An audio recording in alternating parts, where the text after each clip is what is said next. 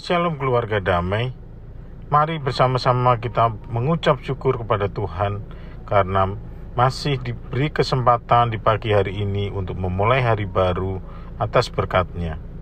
Marilah kita merenungkan sama pagi ini dan sebelumnya marilah kita berdoa. Tuhan kami mengucap syukur atas berkat hingga hari ini. Kami mohon hikmat dan pimpinanmu untuk memahami firman Tuhan lewat perenungan Samas sebagai bekal di kehidupan kami hari ini. Di dalam nama Yesus kami berdoa. Amin. Nats kita pagi ini diambil dari kejadian 1 ayat 28 yang berbunyi demikian.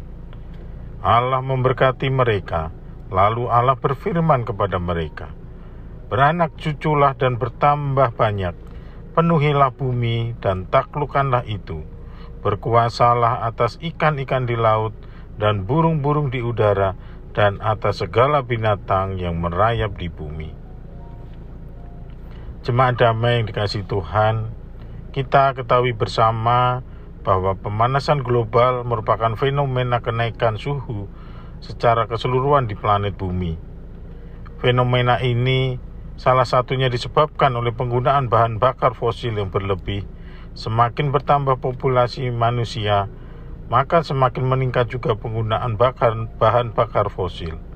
Belakangan ini, dampak pemanasan global meningkat drastis dan mempengaruhi berbagai ekosistem yang ada di permukaan bumi.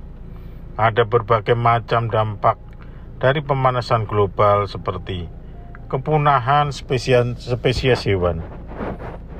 Banyak hewan yang terancam punah karena pemanasan global. Cuaca ekstrim yang diakibatkan pemanasan global dapat menghancurkan habitat hewan serta ekosistemnya. Kebakaran hutan dan munculnya kabut asap.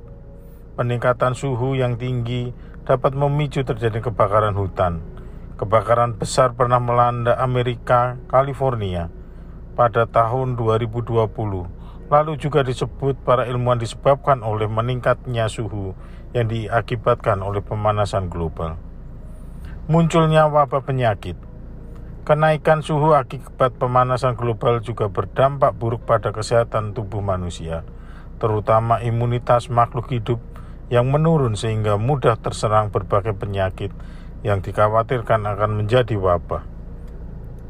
Peristiwa alam ekstrim terjadi Pemanasan global pun berdampak pada meningkatnya peristiwa ekstrim seperti banjir bandang, badai besar, dan tsunami.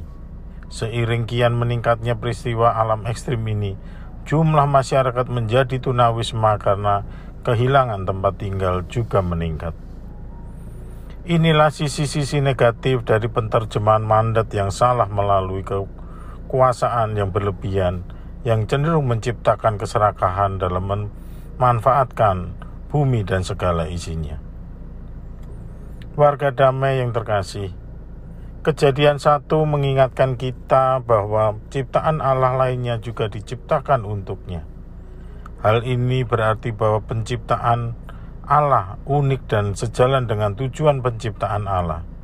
Tetapi apakah arti sesungguhnya dari kata taklukkanlah dan kuasailah dalam kejadian 1 ayat 28 pelaksanaan penaklukan dan penguasaan manusia atas ciptaan lainnya berhubungan erat dengan status manusia sebagai wakil Allah di dalam dunia ini. Kita percaya bahwa Allah bukanlah Allah yang menciptakan segala sesuatu lalu meninggalkan karyanya tanpa terkendali. Tetapi dia mendelegasikan pemerintahannya atas ciptaannya kepada manusia yang diciptakan seturut gambar dan rupa Allah. Sebagai wakil Allah dalam terang kreativitas Allah, manusia memang memiliki hak untuk menaklukkan dan menguasai bumi ini.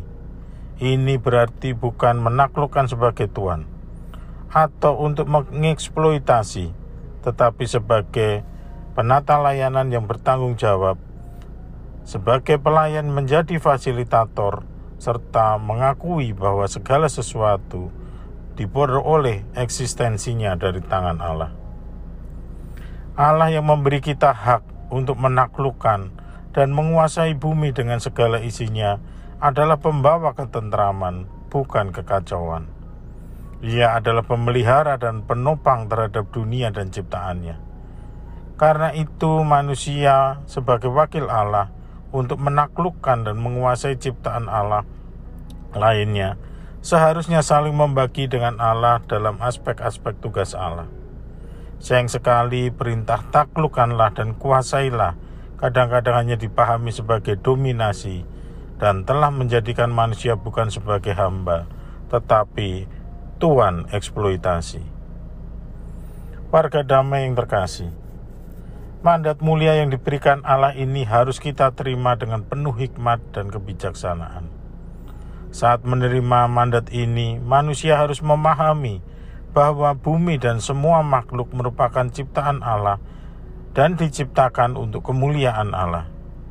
Jadi hikmat dan kebijaksanaan manusia ini untuk mencegah setiap keserakahan dan tidak bertanggung jawab dalam menjalankan mandat Allah ini.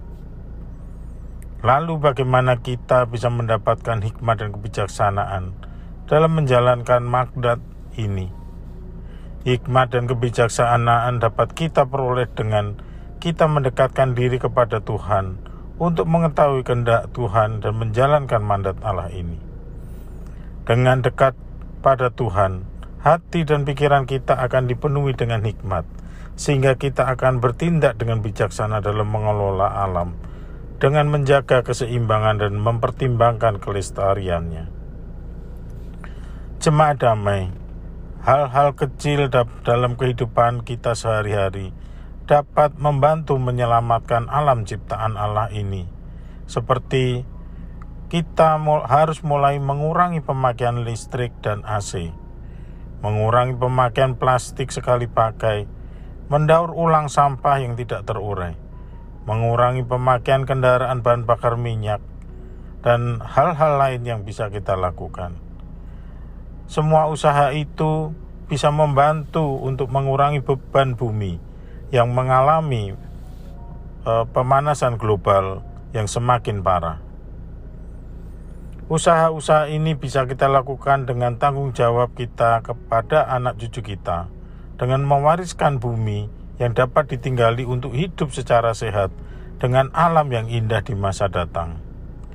Karenanya, hal-hal negatif dampak kekuasaan yang harus kita, ini harus kita hindari seperti keserakahan dalam mengambil hasil bumi dan hanya berpikir pada keuntungan jangka pendek dan melupakan program konservasi alam untuk menjaga kelestarian bumi. Marilah kita bersama-sama menyelamatkan bumi ini, melestarikan bumi ini, dan berpikir panjang untuk mewariskan bumi ini kepada anak cucu kita. Marilah kita menjaga bumi ini dengan mengurangi pemborosan-pemborosan energi dan membuang sampah pada tempatnya yang bisa didaur ulang dan mengurangi sampah-sampah yang tidak bisa didaur ulang untuk meringankan beban bumi ini. Marilah kita mulai mengendalikan diri ini sebelum kita mengendalikan bumi dan segala isinya untuk menjalankan mandat dari Allah. Marilah kita berdoa. Tuhan kami mensyukuri atas mandat Allah kepada kami untuk menaklukkan dan menguasai bumi dan segala isinya. Ajar kami berhikmat dan bijaksana dalam menjalankan mandat itu. Ajar kami menyadari alam dan segala makhluk termasuk uh, kami sendiri diciptakan oleh Tuhan untuk kemuliaan Allah semata. Kami minta Engkau menguatkan kami untuk selalu bertanggung jawab dan memuliakan Tuhan dalam setiap kehidupan kami. Dalam nama Yesus kami berdoa. Amin. Selamat menjalani hari baru untuk menjaga bumi dan melestarikan bumi untuk masa depan dan anak cucu kita. Tuhan Yesus memberkati.